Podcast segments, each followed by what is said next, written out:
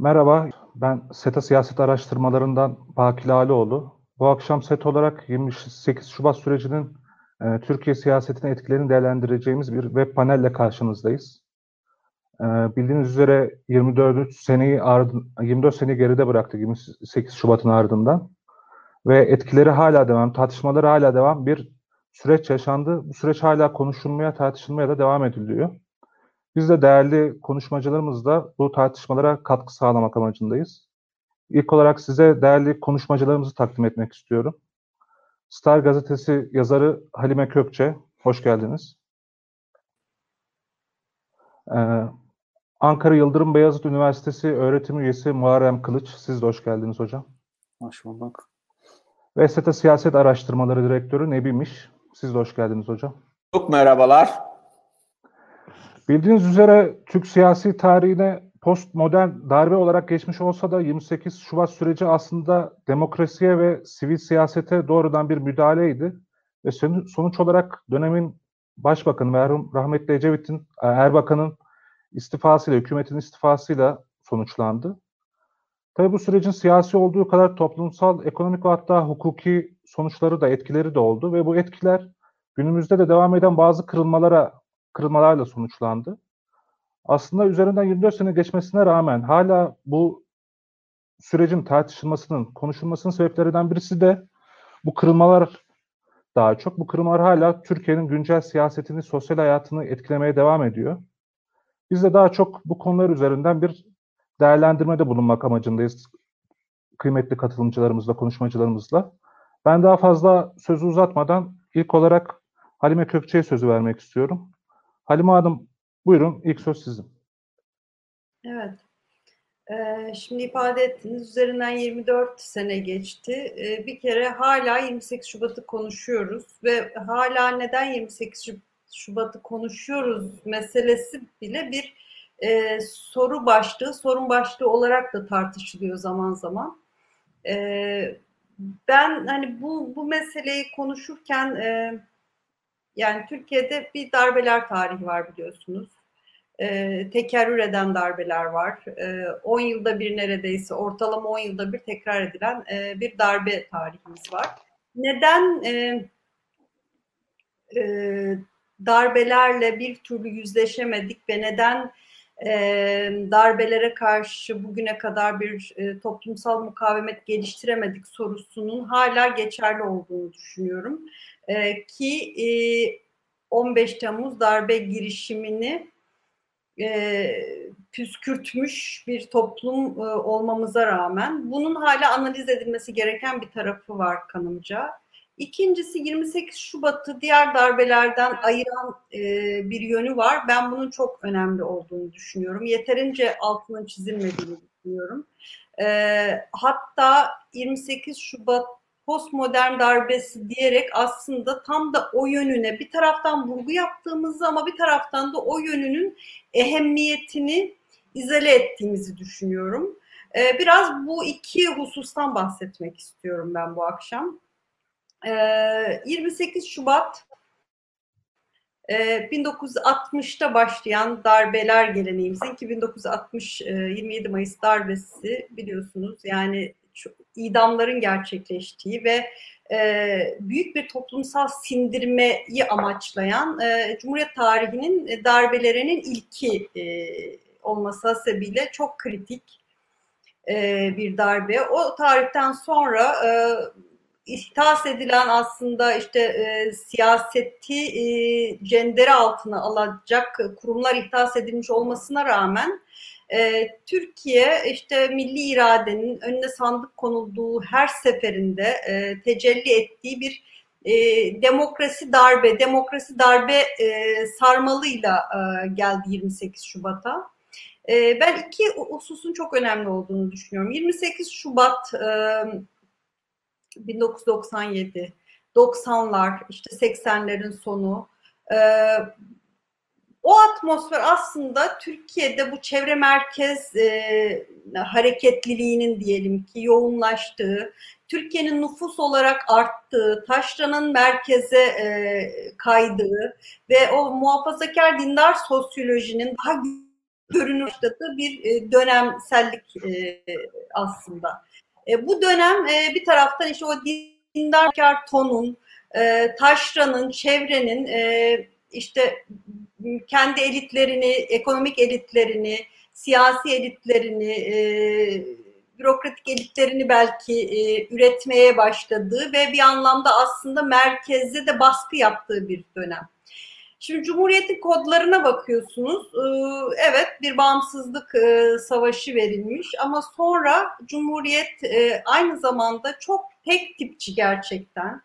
Bir takım işte korkular vesaire falan pek çok şeyle meşrulaştırılıyor, meşrulaştırılabilir yani anakronik bakmamak adına bunu söylüyorum kuşkusuz. Yani insan hakları ve demokrasi açısından baktığınızda tabii ki meşrulaştırılmaz ama e, dönemsel olarak baktığımızda, konjonktürel olarak baktığımızda bazı hususların, bazı korkuların, e, bazı şeyleri tetiklediği belki söylenebilir. E, rejimin e, sınırlarının oluşması anlamında.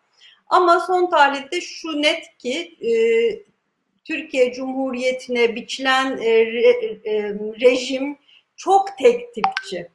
E, çok hani o gardırop e, modernizmi denilen e, tarife aslında çok uyuyor. E, o kadar uyuyor ki işte o çevre merkeze geldikçe işte dindar muhafazakar kesim görünür oldukça rahatsız oluyor. Ee, ve çok gayri insani tepkiler vermeye başlıyor.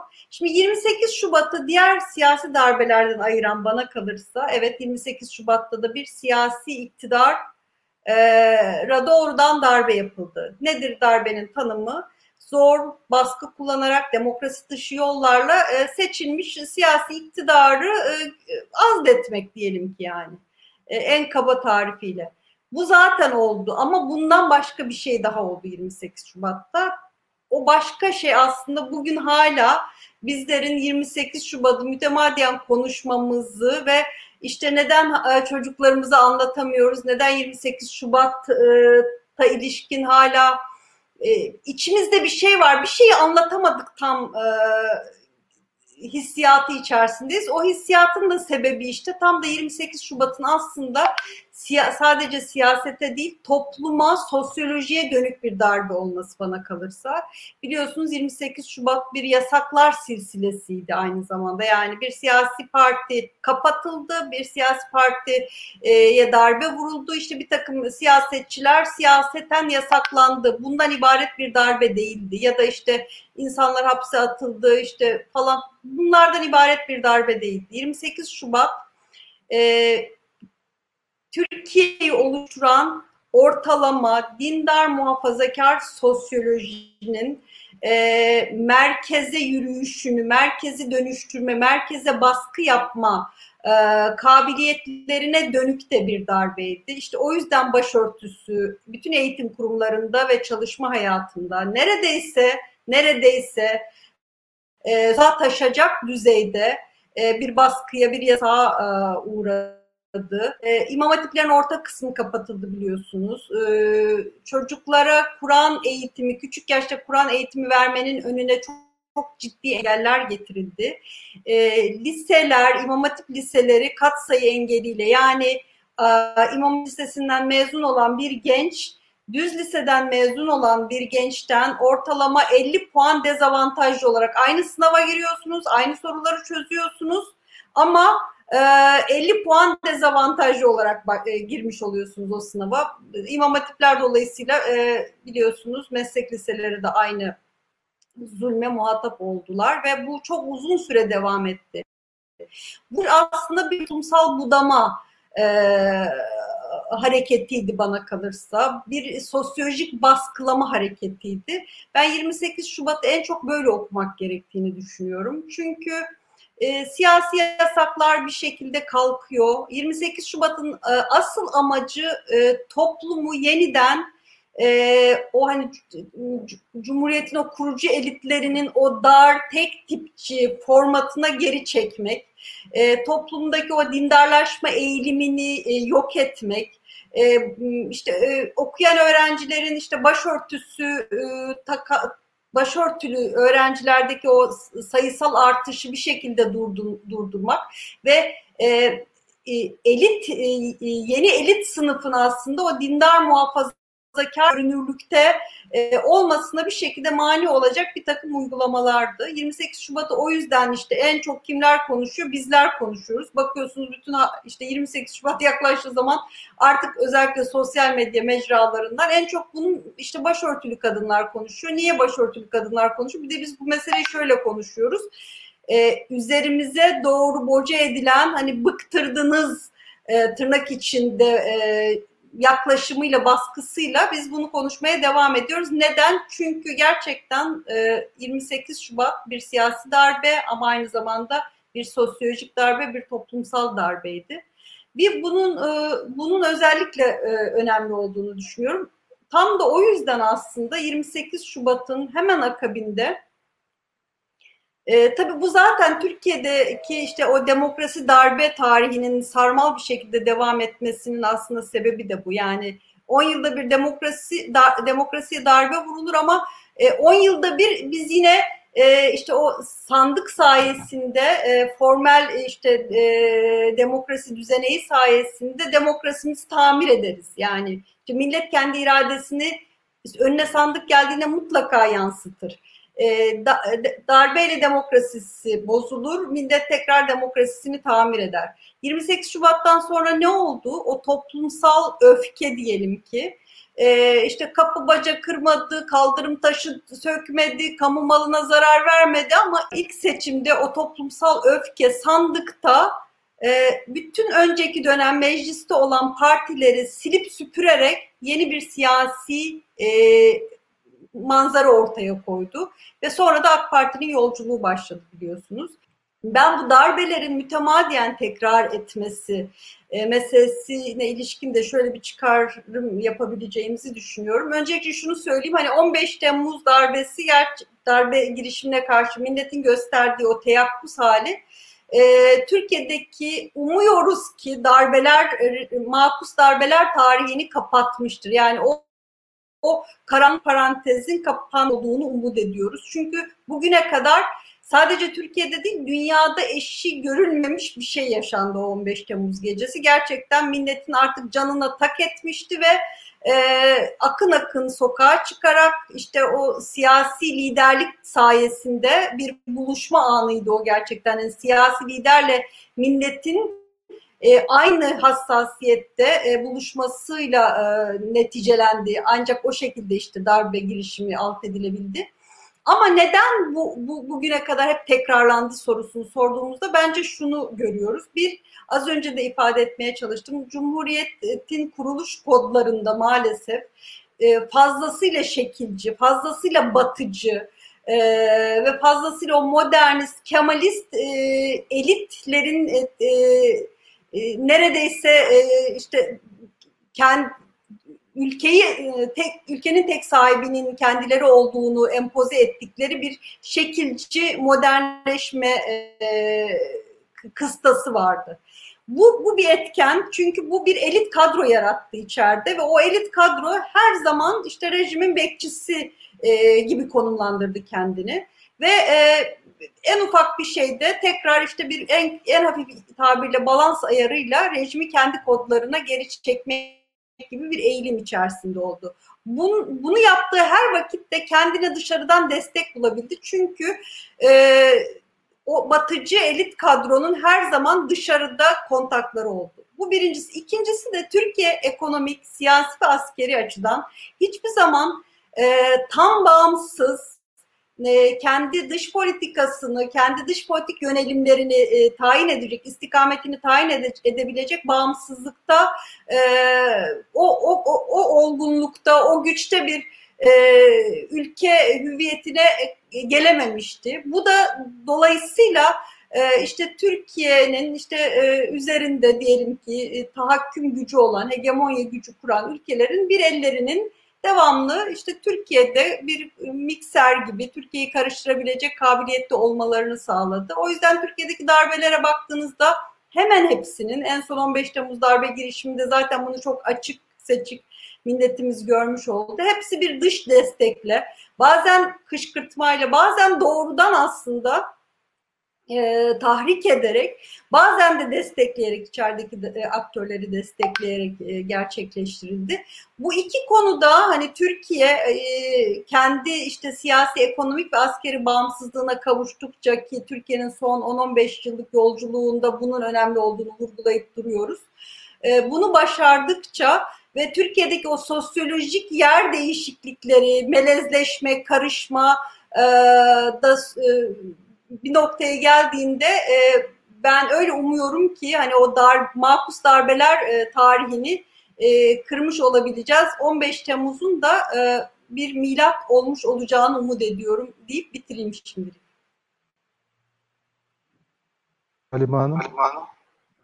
Halime Hanım, Halime kısaca kısa... konuşmasında bize bahsettiği 28 Şubat'ın diğer darbelerden farkıydı. 28 Şubat'ın aslında Türkiye tarihiyle özdeş, paralel devam eden bir darbeler tarihinin bir parçası olduğunu, bir zincirin bir parçası olduğunu fakat bunun diğer darbelerden farklı olarak kurumsal bir budama kavramsallaştırmasıyla bunu anlatmak istedi.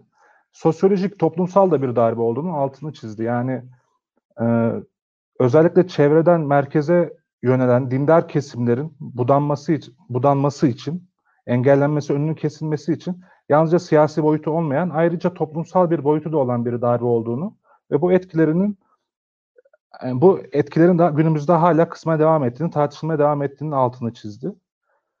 Teşekkür ederiz kendisine konuşması için. Muharrem Hocam, şimdi sözü size vereceğim. Siz de bir hukukçu olarak hukuki perspektif, perspektiften 28 Şubat sürecinin etkilerini nasıl değerlendirirsiniz? Evet, ee, teşekkür ediyorum Sayın Başkan. Ee, öncelikle e, bütün dinleyicilerimi saygıyla e, selamlıyorum. E, gerçekten hani bugünün e, anılması, yad edilmesi e, ve deyim yerindeyse e, bir muhasebenin yapılması, e, bununla hesaplaşılması e, gerçekten farklı e, düzlemlerde, farklı e, minvallerde e, yapılması gerekiyor. Yani bir şeyle e, eğer tarihsel bir yaşanmışlıkla yüzleşme e, cesaretini, erdemini kendinizde bulmazsanız, göstermezseniz e, tarihin tekerrür etmesi e, kaçınılmaz bir gerçeklik olarak karşımızda duruyor. Onun için bu tabii ki sadece anma programları ya da işte olarak değil de bunun bir anlamda aslında şey olması lazım. Bunun üzerine ciddi bir akademik mesai, ciddi bir sosyolojik mesai, farklı perspektiflerden e, yöneltilmesi lazım. Bunu maalesef bu noktada çok iyi bir e, durumda olduğumuzu, iyi bir müktesebat ürettiğimizi söylememiz pek mümkün değil. Halim Hanım da kısmen buna değindi. E, onun için bunun e, müthiş bir maliyeti var. Türk toplumuna, Türkiye sosyolojisine, e, Türk ekonomisine, Türk siyasi yaşamına, demokratikleşme tecrübemize falan e, çok ağır e, bir darbe. Adı üzerinde darbe, gerçek anlamıyla bir e, darbe. E, o açıdan bakınca hani bunun deyim yerindeyse bir şeyin çıkarılması, bir maliyetinin çıkarılması, ortaya konulması ve geleceğe dair bir güvence, bir e, güvenlik e, pers güven perspektifi de yaratabilmek adına e, bunları e, muhasebe etmek gerekiyor. E, aynı şey 15 Temmuz için de geçerli. Ben e, farklı konuşmalarımda, farklı mecralarda da ifade ediyorum. Hani bunun e, gerçekten e, sadece ama değil de bunun dışında da bir ciddi bir e, muhasebeyi ve üzerine etüt edilmesi gereken, çalışılması gereken bir konu olduğunu, e, tarihsel gerçeklik olduğunu ifade ediyorum. Şimdi ben de hızlıca aslında Halime Hanım e, bu konuda e, güzel e, ifadeler, güzel kavramsallaştırmalara yer verdi ama ben de hızlıca e, öncelikle bir darbelerin e, genel anlamda mekaniği nasıl işliyor, dinamiği nedir diye bir soru sorarak başlamak istiyorum. E, bu açıdan baktığımız zaman tabii ki bu çok 15 dakikaya sığdırılabilecek bir tahlil, analizle mümkün değil ama e, ana hatlarıyla baktığımız zaman bir e, birinci planda bir tarihsel dinamikten söz edebiliriz.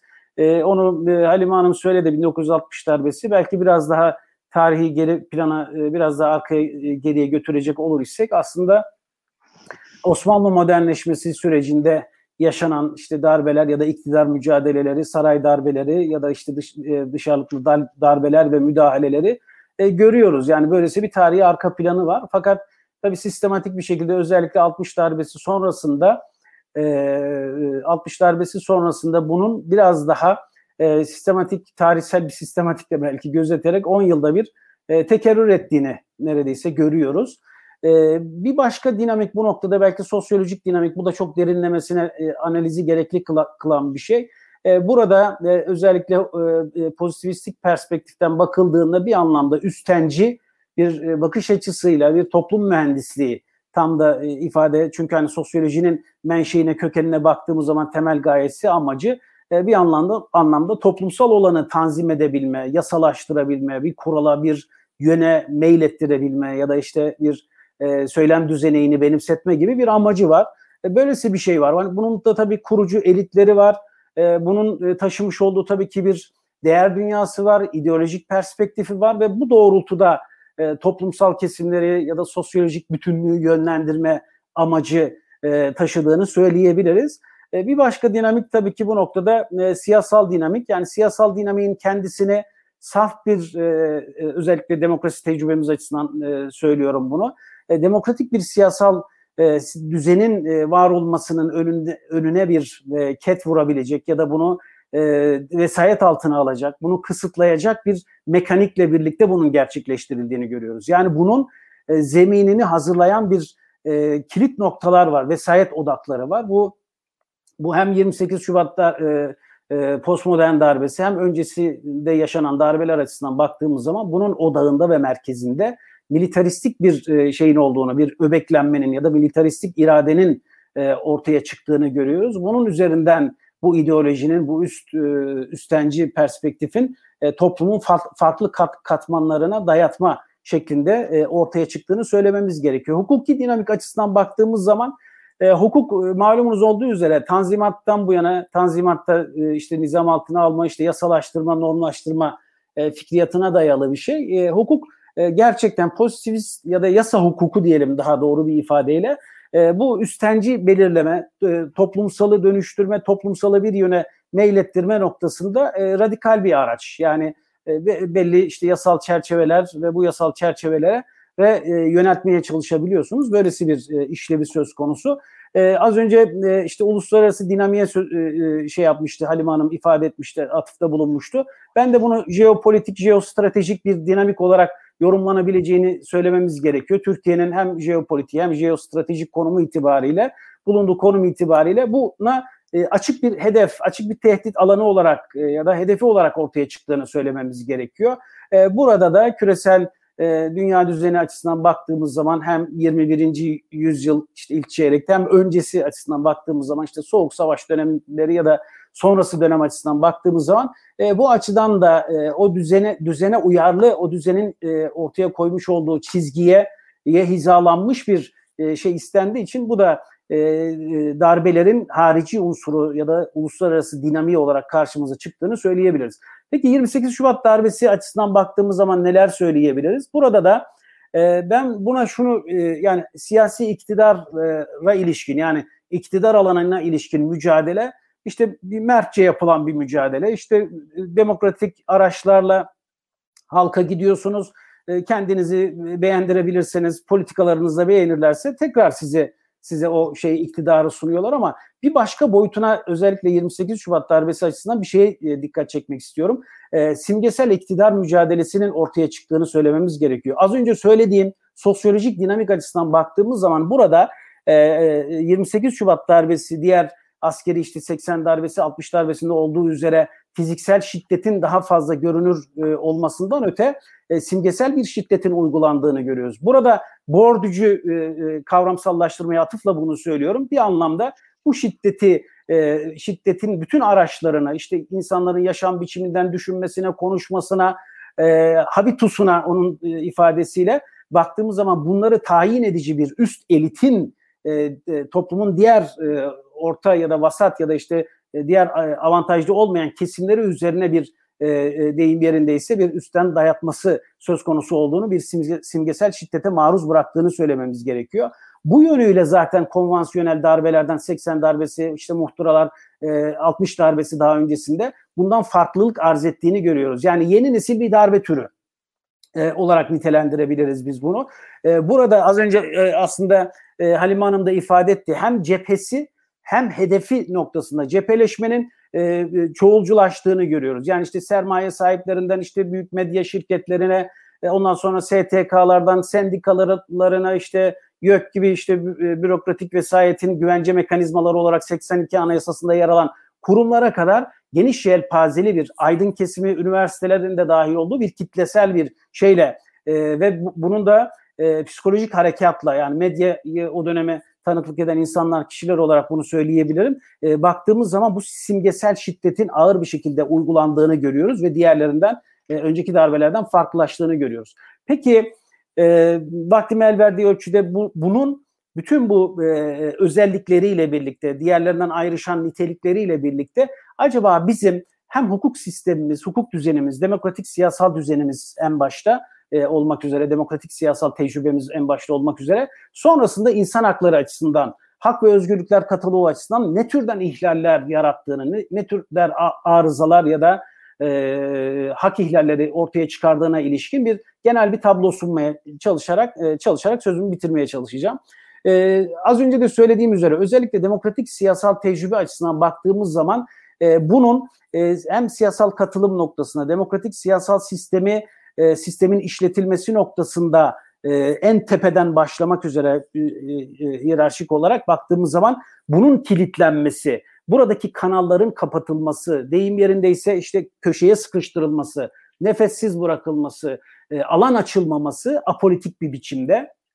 Yani e, seçilmiş bir e, hükümet var, seçilmiş bir iktidar var. Bu siyasal iktidarın alanının e, apolitize e, olmuş, apolitik olan e, vesayet odakları ya da e, her güçler tarafından nasıl e, elimine edildiğini, nasıl e, işlevsiz hale getirilmeye çalışıldığını görüyoruz. E, bunun e, daha e, hukuk ilkeleri, genel anayasal ilkeler açısından baktığımız zaman en temelde aslında ihlal ettiği e, ilkelerden bir tanesi egemenlik hakkının ihlali olarak karşımıza çıkıyor. Anayasamızın e, 6. maddesinde de yer aldığı üzere bu hakkın kullanılması noktasında hem anayasaya hem hukuka anayasaya uygun bir şekilde gerçekleştirilmesi gereken ilgili işte e, devletin kurulları tarafından ifa edilmesi gereken yetkiler ve görevlerin başkaca vesayet odakları tarafından üstlenilmesi yetkisiz bir biçimde yasaya ve anayasaya aykırı biçimde üstlenilmesi durumuyla karşı karşıya kaldığımızı görüyoruz. İşte MGK'nın Milli Güvenlik Kurulu'nun e, bildirgesi ya da e, talimatları doğrultusunda, telkinleri doğrultusunda yasama organının hareket etme, yargı organının özellikle burada yargıya az sonra daha da detaylı değineceğim. E, yargının e, briefinglerle yönlendirilmesi noktasında bu hakkın ihlal edildiğini ifade edebiliriz.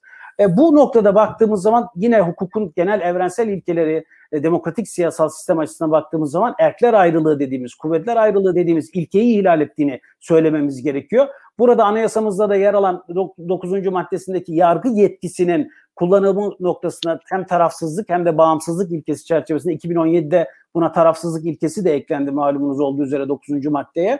Baktığımız zaman burada da bir e, e, e, tedahülün ya da e, karşılıklı müdahilliklerin olduğunu görüyoruz. Ne oluyor mesela? E, nasıl bu e, gerçeklik kazanıyor? İşte yargı erkine işte militaristik bir irade ya da bir şey tarafından telkinler, briefingler, yönlendirmeler, bir üst iradeyle e, verecekleri kararların tayin edilmesi, yargıya müdahalenin e, bariz bir biçimde e, toplanarak hatta sadece yargı açısından değil de diğer işte bürokratik kurumlar açısından da bu türden e, müdahilliklerin olduğunu o dönemi hatırlayanlar biliyorlar. Bir başka e, bu noktada e, dikkat çekmemiz gereken en e, burada bu darbenin e, yürütücü e, iradesi ya da yürütücü araçlarından bir tanesi, en büyük işlevi gören e, kurumlardan bir tanesi yargı yetkisinin kullanılmasına ilişkindi.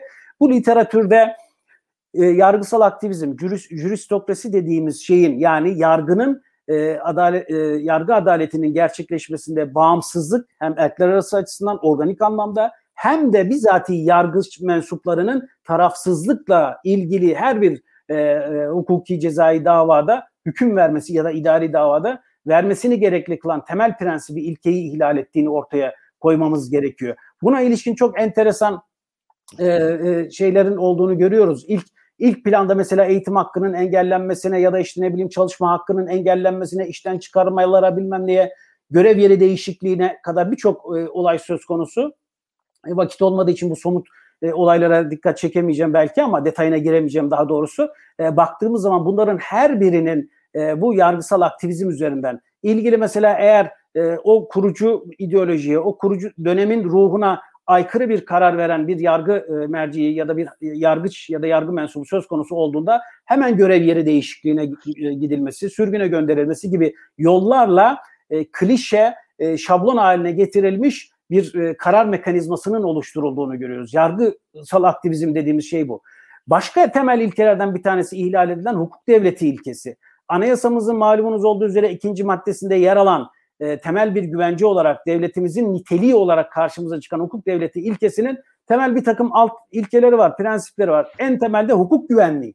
Yani mesela eğitim hakkı açısından baktığımız zaman meslek liselerinin kapatılmasına ilişkin bir anda bakıyorsunuz ki yapılan düzenlemeyle, yapılan işte e, getirilen herhangi bir düzenleyici işlemle bir anda e, buna ilişkin toplumun e, öngörüle, hukuki öngörülebilirliğini zedeleyen, hukuk güvenliğini e, berheva eden e, uygulamalara, idari tasarruflara e, e, yer, açı, yer açıldığını görüyoruz. Uygulamaların yapıldığını görüyoruz. Başka mesela doğal hakim ilkesi, bu da temel bir ilke. Ya, ya da işte kanuni hakim ilkesi bizim anayasamızın 37. maddesinde de düzenlenmiş. E, buna aykırılıklar. Mesela eğer o ilgili az önce söyledim yargı mensubu e, dönemin e, e, ideolojisine ya da de, dönemin darbeci e, zihniyetine uygun bir karar vermediği takdirde hemen yargıçların yerlerinin değiştirilmesi ve uygun karar verecek kişilerin devreye sokulması gibi durumların ne yazık ki ortaya çıktığını görüyoruz. Geriye yürümezlik ilkesi, kanun önünde eşitlik ilkesi mesela bu da çok temel bir ilke anayasamızın 10. maddesinde. Kanun önünde herkes dini, inancı, mezhebi, meşrebi, düşüncesi, kanaati, fiziksel görünümü, etnik kökeni bunlar dikkate alınmaksızın ayrımsız bir şekilde herkesin eşit haklara e, hem siyasal anlamda hem ekonomik anlamda hem kültürel anlamda eşit haklara sahip olduğu e, fikriyatı söz konusu, düzenlemesi söz konusu. Fakat buna da aykırı bir şekilde pratiklerin, uygulamaların ortaya çıktığını e, görüyoruz. Süremin herhalde sonuna geldim ama e, Vakicim kısaca özellikle insan hakları ihlalleri açısından bir iki dakikam eğer müsaade edersen. E, ben şöyle diyorum darbeler aslında e, darbenin az önce mekaniğinden işte işleyiş e, biçiminden söz ettik. Darbe aslında bir insan hakları sorunu. Birçok sorun tabii ki ekonomik sorun işte birçok e, sonuçları ve maliyetleri var dedik ama temelde bir insan hakları sorunu olduğunun altını çizmemiz gerekiyor. Yani insanların temel hak ve özgürlük alanlarını e, ihlal eden, bunları yok sayan, bunları e, e, bunlara ilişkin güvenceleri e, olağanüstü yönetim usulleriyle ya da Agamben'in ifadesiyle istisnai yönetim e, teknolojileriyle ortadan kaldırmayı e, düzenlediğini e, ifade etmemiz gerekiyor.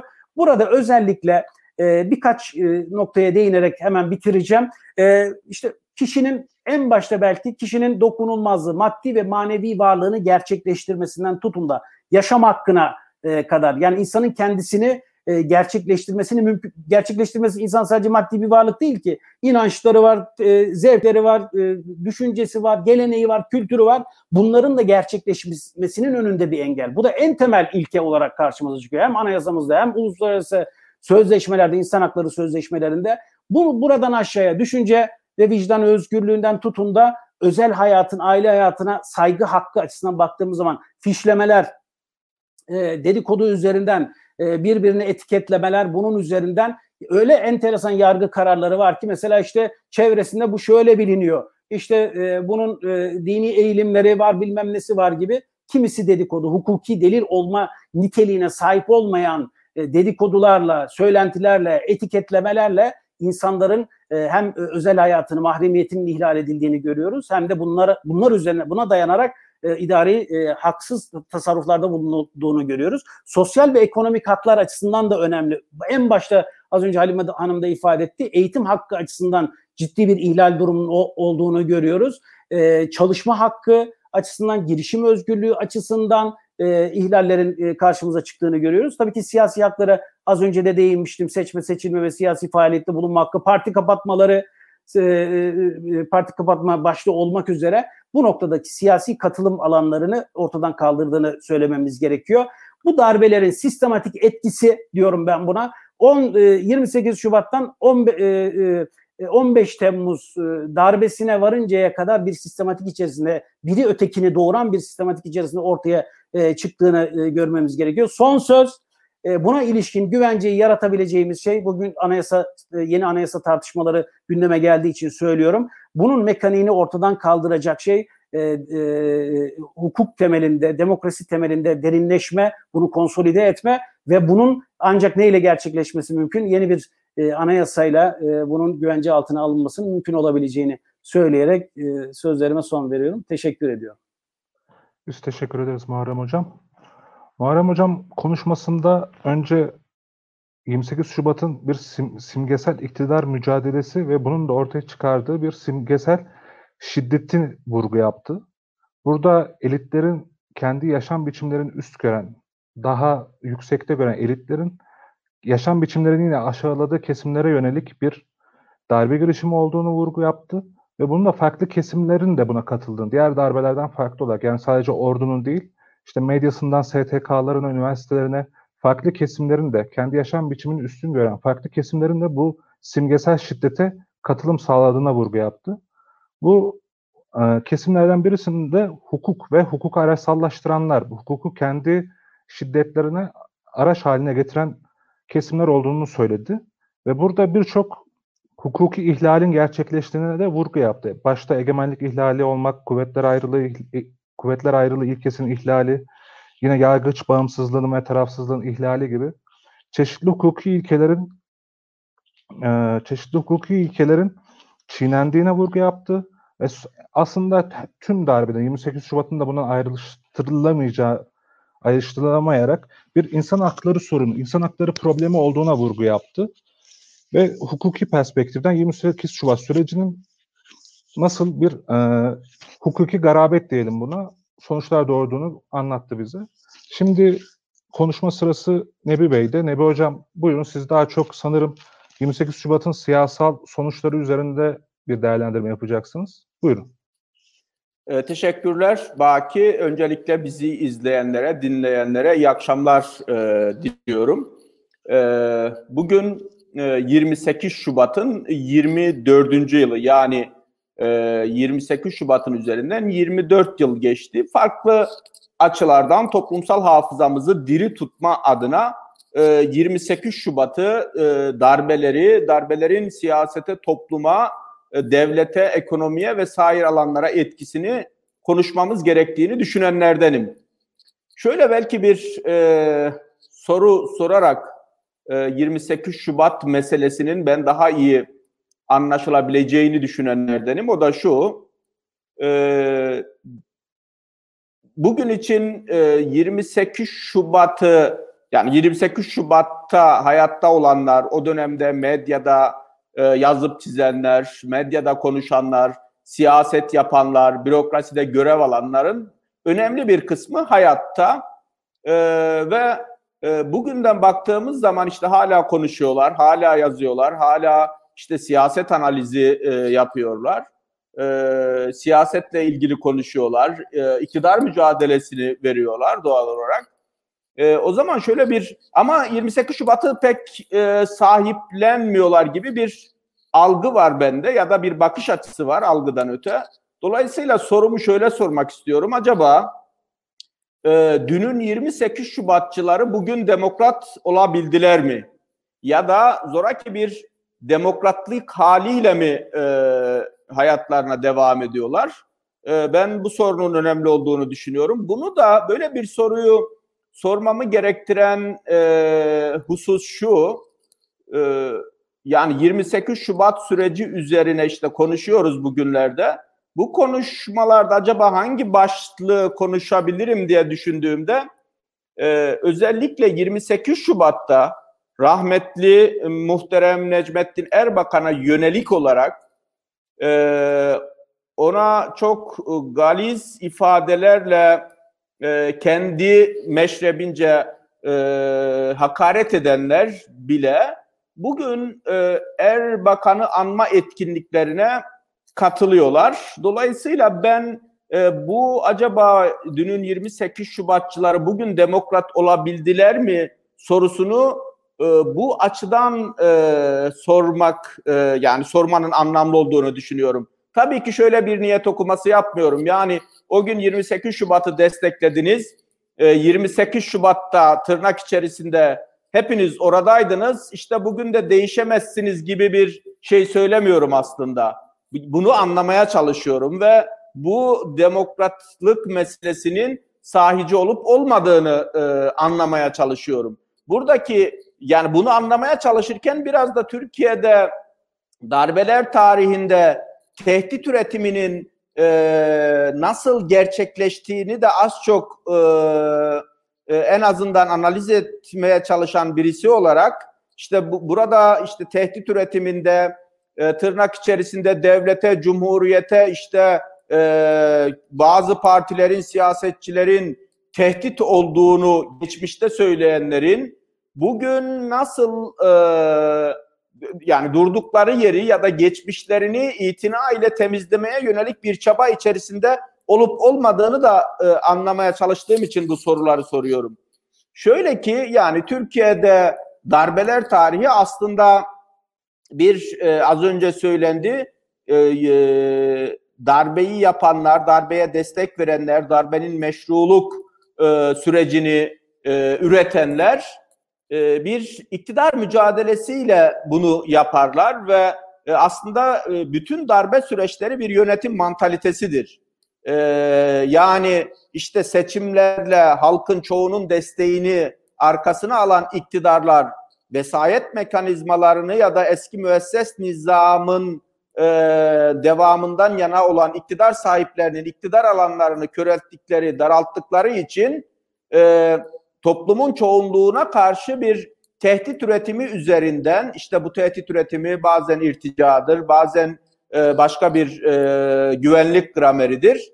E, dolayısıyla yani ötekiler inşa ederek onları siyasal alanın dışına, güvenlik alanına iterek iktidarlarını her 10 yılda bir tazeleyerek ileriye doğru bu iktidarını sürdürmenin bir yoludur aslında darbeler. Dolayısıyla da 1970'lerde, 80'lerde, 90'larda özellikle işte e, rahmetli Necmettin Erbakan'ın partilerine, onun siyaset arkadaşlarına, onun bizatihi kendine yönelik olarak üretilen, e, söylemle üretilen tehdit e, gramerlerine baktığınız zaman çok e, sert e, güvenlikleştirici söylemlerin e, kullanıldığını görürsünüz. O zaman e, soru şu, o dönemde bu tehdit üretimini yapanlar e, bugün işte bugünden geriye baktıklarında e, işte milli görüş partilerine ya da e, bizatihi Milli Görüş Partisi içerisinde siya, siyaset yapan siyasetçilerin e, yeni konumlarına ilişkin olarak farklı şeyler e, söylüyorlar. E, dolayısıyla bunun ben e, Türkiye'de darbeler tarihinin de aslında gerçek tehditlerin ötesinde söylem yoluyla üretilen e, güvenlikleştirme gra gramerleriyle tehdit algısı inşa edilen e, ve bunun bir iktidar mücadelesiyle darbelere yol e, veren, yol açan e, bir e, süreç olduğunu göstermek için de altını çizmek için de e, dünün 28 Şubatçıları bugün demokrat mı oldular sorusunu soruyorum. Yani e, belki biraz daha somutlaştırma e, adına e, 23 Nisan 1997'deki meclisteki konuşmalara bir bakılmasını tavsiye ederim. Hani e, 20 e, 1990'lar e, 28 Şubat sürecinde sadece tek bir güne değil bütün medyaya yazılıp çizilenlere konuş, e, konuşulanlara bakılabilir ama ben daha kolay olması açısından hemen işte Google'dan internetten meclisin sayfasına e, girdiğiniz zaman 23 Nisan biliyorsunuz işte e, Büyük Millet Meclisi'nin kurtuluş mücadelemizi yürüten meclisin Ankara'da toplandığı ve bu toplanma tarihinin her yıl dönümünde de meclisin özel oturum yaptığı bir özel gün. O günde siyasi parti başkanları mecliste konuşurlar. E, ülkenin geleceğine yönelik olarak milli birlik ve bütünlüğün sağlanmasına dair konuşmalar yaparlar. İşte tam da 23 Nisan 1997 özel oturumunda mesela o günün işte sonradan hükümetin de bir üyesi, e, hükümetin kurucularından birisi olacak, koalisyon hükümetinin e, Demokratik Sol Parti Genel Başkanı Bülent Ecevit'in konuşmasının içerisine baktığınız zaman şöyle e, kavram setleriyle ya da içerikle karşılaşıyorsunuz. Diyor ki işte hükümetin Refah Partisi kanadı kendi özel polisini devlet polisiyle çatıştırıyor. Refah Partililerce düzenlenen toplantılarda kadınlara kara çarşaf giydirilip ellerine kalaşnikoflar alıp devlete karşı dihada çağıran çağrılar ve şarkılar okunuyor. E, Refah Partisi hemen her gün kendi yandaşlarını devlete karşı kışkırtıyor. Dolayısıyla e, bir an önce e, buna çözüm üretilmeli diye bir e, çağrı yapıyor. Şimdi burada e, yani özel bir günde, milli bir günde meclis kürsüsünden Refah Partisi'ne ve onun genel başkanına, siyasetçilerine yönelik olarak böyle bir söylem, algı e, inşa edilirken e, aslında bu tehdit algısının e, inşası belirli amaçlar için işlevselleştirilmek için o kürsüden kullanılıyor. Çünkü işte hemen Refah Partisi'ne dava açılacak ve e, o davanın e, iddianamesinde bu meclis kürsüsünden siyasetçilerin konuştuğu sözler gerekçe olarak kullanılacak, e, iddianamede e, kanıt olarak sunulacak. Medyada atılan manşetler iddianamede kanıt olarak sunulacak. İrtica briefinglerinde üretilen e, ve e, orada üretilmiş materyallerin dışarıda kamuoyuna yönelik olarak kullanılması iddianameye girecek ve en nihayetinde kapatma davasının sonuçlanmasıyla birlikte e, bu e, sözler e, kapatmanın gerekçesi olarak sunulacaktır. Bu anlamda e, 28 Şubat e, sürecinin tüm Türkiye siyasi hayatındaki yeri daha öncekiler gibi sahte söylemler üzerinden darbenin meşruluk şartlarının oluşturulması için e, tehdit bir güvenlik e, güvenlik gramerleri üzerinden bir iktidar mücadelesinin e, neticesinde üretilmiştir ve e, 28 Şubat darbesine de imkan hazırlanmıştır. Dolayısıyla 28 Şubat bir darbedir. Onun postmodern darbe olarak adlandırılması geleneksel darbelerde silah doğrudan kullanılırken burada e, silahın e, yerine e, medyanın silah olarak kullanılması e, açısından e, belki postmodern darbe olarak e, adlandırılabilir. Yani burada postmodern ifadesini e, biraz da medyanın bu darbe sürecindeki rolüne e, atıf için kullanmamız gerektiğini e, düşünenlerdenim ben. Yani 28 Şubat e, bir e, darbedir ve önceki darbelerin bir e, devamıdır. E, dolayısıyla e, bu açıdan baktığımızda işte alımlayıcı kitlenin hazırlanması, güvenlik gramerlerinin üretilmesi ve bunun üzerinden darbenin gerçekleştirilmesi işte özel e, ağlarla üretilen bilgiler üzerinden bir hazırlık sürecinin e, neticesinde meydana gelmiştir. Yani daha e, darbe e, girişimi gerçekleşmeden Refah Partisi kapatılmadan baktığınız zaman e, işte e, asker Refah Partisi'ni kapattırma niyetinde e, diye e, medyalara e, demeç e, verildiğini biliyoruz. E, do, dolayısıyla ya, yani 28 Şubat'ı e, tüm e, bu açılardan değerlendirdiğimizde dindar muhafazakar kesimlere toplumun belirli kesimlerini çeşitli güvenlik gramerleriyle tehdit algısıyla ötekileştirilerek darbenin gerçekleştirilmiş olduğunu söyleyebiliriz. E, bugünün e, demokrat kesilenleri e, ya da 28 Şubat'ı sahiplenmeyenler, o dönemde sahiplenip bugün sahiplenmeyenlere baktığımız zaman burada söylememiz gereken şey şudur. Türkiye'de 2000'li yıllardan itibaren siyasetin, toplumun ve siyasal alanın dönüşmesi sonucunda yine e, bazen bugün bir iktidar mücadelesinin, yeni iktidar mücadelesinin bir aracı e, olarak e, 28 Şubatlar sahiplenilmiyor ya da o dönemde e, tehdit olarak devlete e, tehdit olarak gösterilen e, siyasetçilerin, kişilerin, aktörlerin bugün sahiplenilmesi de tam da bugün o iktidar mücadelesinin farklı e, kavram ve e, araçlarla e, yapıldığının bir e, sonucudur.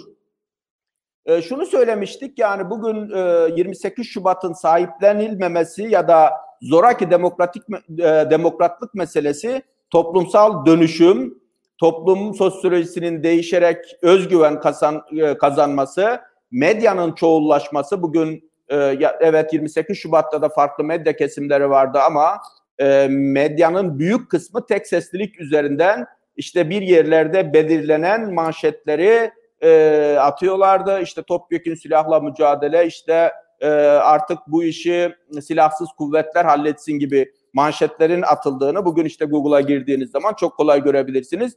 Dolayısıyla o günden farklı olarak bugün e, medyaların çoğullaşması, devletin sivil ve askeri bürokrasisinin e, dönüşmesi, darbe ve darbecilikle ilgili e, darbelerin kötü olduğunu, e, darbelerin siyasete, topluma karşı zararlarını ortaya koyan yeni e, entelektüellerin, e, akademisyenlerin e, ve yeni bir aydın e, sınıfının oluşmasının e, bunda ben e, etkili olduğunu düşünüyorum. E, kuşkusuz 2002 sonrası e, AK Parti'nin güçlü bir iktidar olarak siyasal alanı dönüştürmesi, güçlü bir siyasal liderlikle uzun dönemli olarak işte vesayetçi yapıların, e, organların ve zihniyetin e, bir şekilde değiştirilmesi ya da değişime zorlanması da bugün 28 Şubatları ya da e, darbeleri sahiplenecek toplum kesimlerinin buna cesaret edememesi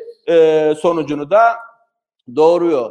Dolayısıyla tüm bu açılardan baktığımız zaman maalesef dünyada e, darbelerle, darbecilerle e, Türkiye ile benzer gelişmişlik düzeyine sahip olan ülkeler 1980'lerin ilk yarısında e, hesaplaşmasına rağmen e, Türkiye çok geç bir dönemde hesaplaşabilecek.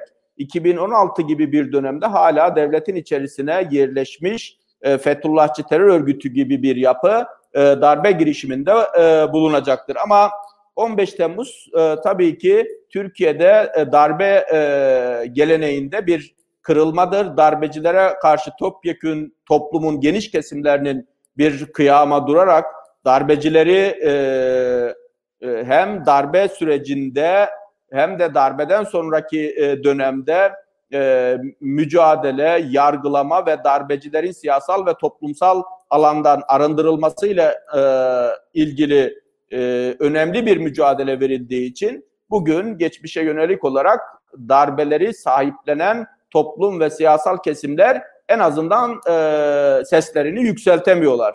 Yani 27 Mayıs'ın 1980'lere kadar bayram olarak kutlandığını da düşündüğümüzde ben Türkiye'de hala 28 Şubat'ı bir darbe olarak görmeyen hatta onun çeşitli yönlerini olumlu bulan kesimlerin olduğunu ama bugünkü siyasal ve toplumsal ortamın dönüşmesinden dolayı seslerini yükseltemediklerini hatta o dönemde e, devlete tehdit olarak, rejime tehdit olarak sundukları kişileri, partilerin e, anma gecelerine katılmalarında ben e, bu e, çerçeveden değerlendiriyorum. değerlendiriyorum. Süren bitti herhalde. Son bir cümle. 28 Şubatçılar şöyle diyordu. 28 Şubat bin yıl e, sürmeli, bin yıl sürecek diyorlardı. Sürmedi. 28 Şubatlar e, ya da darbeler bin yıl sürmedi. Ama biz darbeleri ve 28 Şubat'ı, Şubatçıları, destekçilerini bin yıl hatırlamalıyız ve hatırlatmalıyız. Ben burada e, konuşmamı nihayete erdireyim. Teşekkürler Nebi Hocam. Nebimiş konuşmasında 28 Şubatçıların demokrat olabilme ihtimali, e, yeterli öz eleştiri yapıp demokrat olabildiler mi sorusu üzerinden bir değerlendirme yaptı. Çok da aslında meseleye farklı bir bakış açısından bakmamızı da sağladı. Ben tüm konuşmacılarımıza teşekkür ediyorum ve her birine birer soru sormak istiyorum müsaadenizle. Halime Hanım'a genç bir izleyicimizden bir soru var. 18 yaşındaki bir arkadaşımızdan. Yani kendisi on, biz 15 Temmuz'u yaşadık ama önceki darbeler yaşamadık. Sizce bu darbeler yeteri kadar gençlere anlatılabiliyor mu diye sormuş. Burada bir yetersizlik olduğu kanaatinde kendisi sanırım.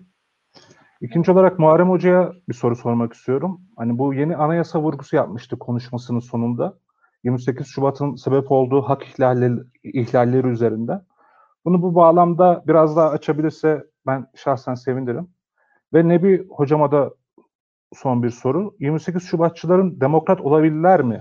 Sorusu üzerinden sadece siyasileri değil, diğer kesimlere de medyasından STK'larına, akademiye, çeşitli kesimler biliyorsunuz 28 Şubatçılar grubuna girebilir. Bunu kesimlerde yeteri öz eleştiri yapabildi mi sizce? Buyurun. Dersiniz. Buyurun Halim Hanım. Evet, şimdi e, genç kardeşimizin sorduğu soru aslında çok şey popüler bir soru. E, e, hem gençler soruyor hem bizim kuşak yani 28 Şubat'ı e, tam orta yaşayan, kıyısından köşesinden yaşayan e, jenerasyonda acaba gençlere yeterince anlatamadık mı ya da neyi yanlış yaptık şeklinde soruyor. Ben burada en önemli hususun şu olduğunu düşünüyorum. Bir yönüyle de iyi bu yani anlatamıyor oluşumuz bir yönüyle iyi. Hangi yönüyle iyi onu anlatacağım şimdi. Ben de e, iki genç annesiyim. E, muhtemelde ben de onları anlatamıyorum. E, ya da bana anlıyormuş taklidi de yapıyor olabilirler. Ama şöyle diyaloglar geçti aramızda. Şimdi mesela işte başörtüsü yasağı şu an sosyal medyayı kullanan gençler görüyorlardır o fotoğrafları. Yani kızların başlarından başörtülerinin çekildiği ya da başörtüsü üzerine peruk e, takılan o komik görüntüleri e, görüyorlardır ve e, onlara bu um, o kadar sürreal geliyor ki gerçek olamaz diyorlar. Yani bu yaşanmış olamaz. Şimdi bu bir yönüyle iyi bir şey. Yani şöyle iyi bir şey. Yani demek ki biz gençlere e, yani bunun e, edilemeyeceği bir ortam e, sunabilmiş Türkiye. E, yeni yeni gençlerine böyle bir ortam sunabilmiş ki e, bundan 10-15 yıl önce, e, 10 yıl önce, yani 2000'lerin başında devam ediyordu yasak. 2000 e, işte 7'de 8'de hala vardı da hani belki o başından çekme, başörtü çekme görüntüleri kalkmıştı. Çünkü insanlar ya işte şapkayla işte ya işte perukla ya başını açarak ya da okulu bırakarak e, sorunu e, toplumsal bir sorun olmadı, olmaktan çıkartıp bir ayına sokmuşlardı. Ama yasak devam ediyordu. Yasak hatta yani tümüyle diyelim ki bütün alanlardan şey olması, kalkması oldukça yakın bir tarih aslında sorarsanız. Yani 2013, 2014, 2015'e kadar hala başörtüsü yasağının devam ettiği alanlar vardı. Tabii hani okul e, vesaireden kalkmıştı yasak epeydir. Haliyle yeni jenerasyon bugün işte oy kullanacak olanlar, bu önümüzdeki seçimlerde oy kullanacak olan e, nesil soruyu soran e, kardeşimiz de 18 yaşında e, muhtemeldir ki bunun nasıl pratik edildiğini aklı almıyordur. Ee, dediğim gibi hani bu bir tarafıyla iyi bir şey ama gerçekti. Yani biz bunu nasıl anlatalım onlara? Yani ben mesela en hafif yaşayanlardan birisiyim diyebilirim. Tabii ki çok vahim yaşayan arkadaşlarımız oldu. Bu da bu, bir diyelim parmaklı değil yani arkadaşımız deyince sayısı az bir gruptan bahsetmiyoruz. Yani e, Türkiye'deki bütün üniversitelerde, bütün liselerde ne kadar başörtülü varsa onlar giremiyorlardı yani. Okullara giremiyorlardı, çalışamıyorlardı, işte öğretmenlik yapamıyorlardı, sağlık personeli olamıyorlardı, doktor olamıyorlardı, avukat olamıyorlardı.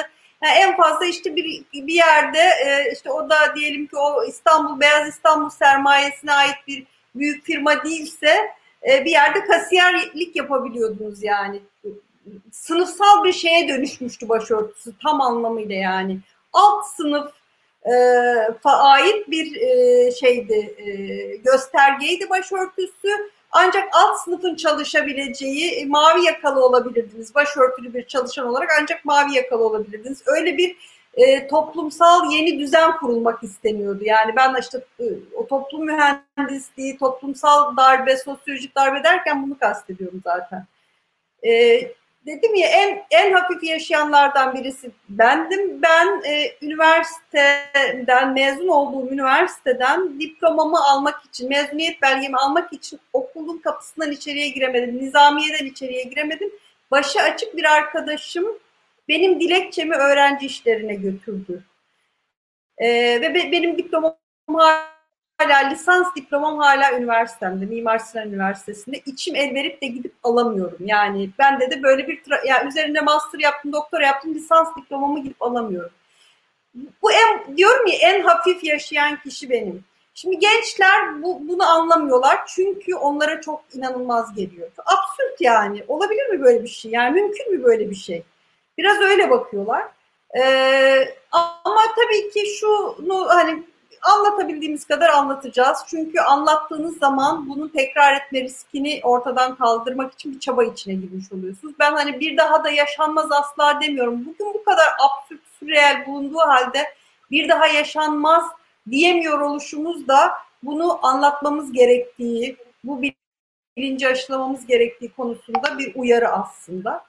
Ee, genç kardeşimize daha ne diyeyim bilemiyorum. Ee, yani e, Türkiye böyle bir Türkiye'ydi. Ee, inşallah onlar hiçbir zaman öyle bir Türkiye'ye Türkiye'de yaşamazlar diyeyim. Ee, ama e, onlara da vazife düşüyor. Ee, gerçekten e, nasıl bir Türkiye'de, nasıl bir dünyada e, yaşamak istediklerini kendi e, eylemleriyle, kendi tercihleriyle belirleyecekler. E, bu da insan oluşumuzun e, en temel esprisi yani. İnsan yaşadığı çevreyi, ailesini, çevresini, dünyayı değiştirme noktasında e, bir fikri, bir eylemi, bir edimi varsa insan, e, genç kardeşlerimize de böyle bir e, sorumluluk düşüyor. Evet, teşekkür ederiz. Teşekkür ederiz. Muharrem Hocam, Muharrem Hocam. buyurun. Buyurun. ediyorum Bakicim. Ee, ben de kısaca e, konuşmamın sonunda, sunumun sonunda ifade etmiştim e, yeni anayasaya e, vurgusu üzerinden. E, öncelikle şunu söylememiz gerekiyor. Temel şey şu, bu bir kere e, mevcut cari anayasamız, e, anayasal düzenimizi tayin eden bu normatif e, belge ya da anayasa e, bir darbe sonrasında ortaya çıkmış. Darbenin e, ruhuyla ruhlanmış, her ne kadar 19 kez değişikliğe uğrasa da 3'te 2'lik kısmı değişse de e, esaslı bir e, malumunuz olduğu üzere 2017 yılında bir e, hem hükümet sistemi açısından bir değişiklik yaşandı. Bu da tabii ki e, yani o 3'te 2'lik kısımdaki değişiklik aslında çok esasa taalluk eden kısmı açısından da baktığımız zaman yani e, anayasanın işte kurucu değerlerinden tutun da işte e, hak ve özgürlük kataloğuna, e, kurumsal yapılanmaya e, üç saca yandan e, söz edebiliriz. Bütün bunlar açısından baktığımız zaman hani bunun e, temel motivasyonunun, bu anayasanın temel motivasyonunun e, az önce işte uzun uzadıya her bir kıymetli katılımcımızın da ifade ettiği üzere aslında e, korumaya çalıştığı değer aslında e, demokratik siyasallık değil. Bu bariz bir şekilde ortaya çıkıyor.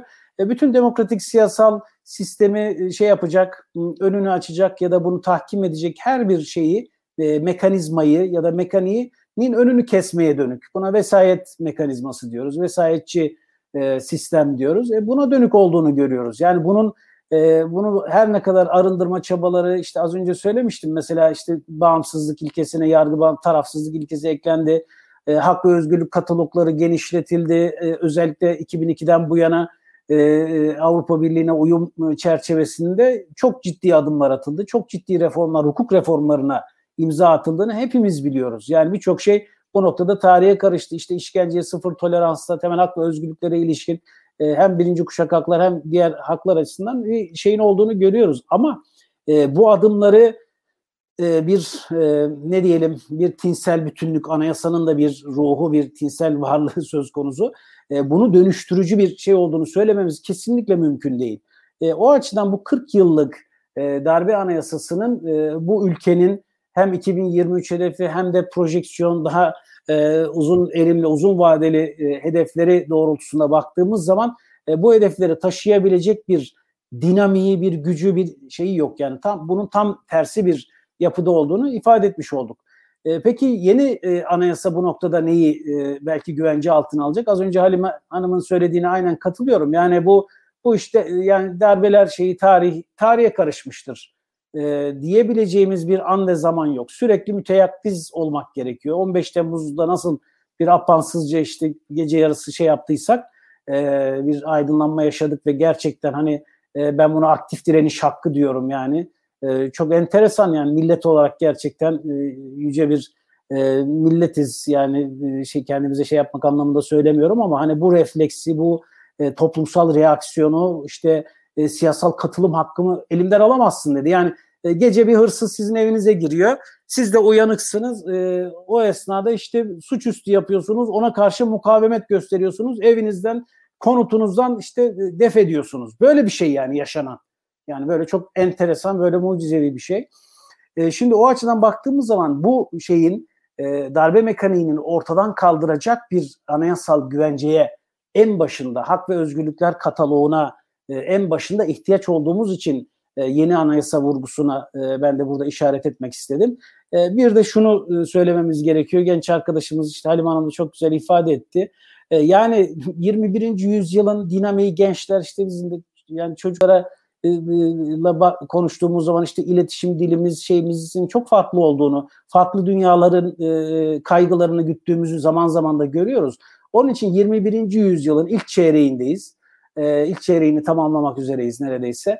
E, onun için hem bu yüzyılı, 21. yüzyılı taşıyabilecek bir e, dinamik hak ve özgürlükler açısından yeni hak alanları, mesela ben hep şunu vurguluyorum, sosyal haklar açısından bu e, Covid-19 süreci müthiş bir şekilde yani yapılan bütün o icraatları sosyal alanda sağlık hakkından konut hakkına eğitim hakkına kadar var, var, yapılan şeylerin ne kadar yatırımların anlamlı olduğunu gösterdi.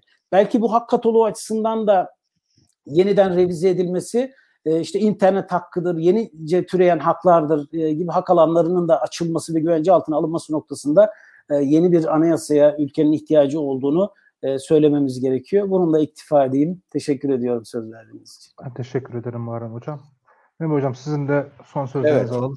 Ee, yani şöyle bir soru vardı. Ee, işte bugün 28 Şubatçılar ya da işte 28 Şubat sürecinde bu döneme destek verenler, darbeye destek verenler e, öz eleştiri yapabildiler mi diye bir soru vardı. Bunu e, şöyle bir e, çerçeveden cevaplamak aslında daha iyi meselenin daha iyi anlaşılması açısından önemli. O da şu 27 Mayıs 1960'tan itibaren e, oluşan siyaset bilimi, darbeler tarihiyle ilgili e, literatüre baktığınızda çoğunlukla şöyle bir çerçeveyle karşılaşırsınız.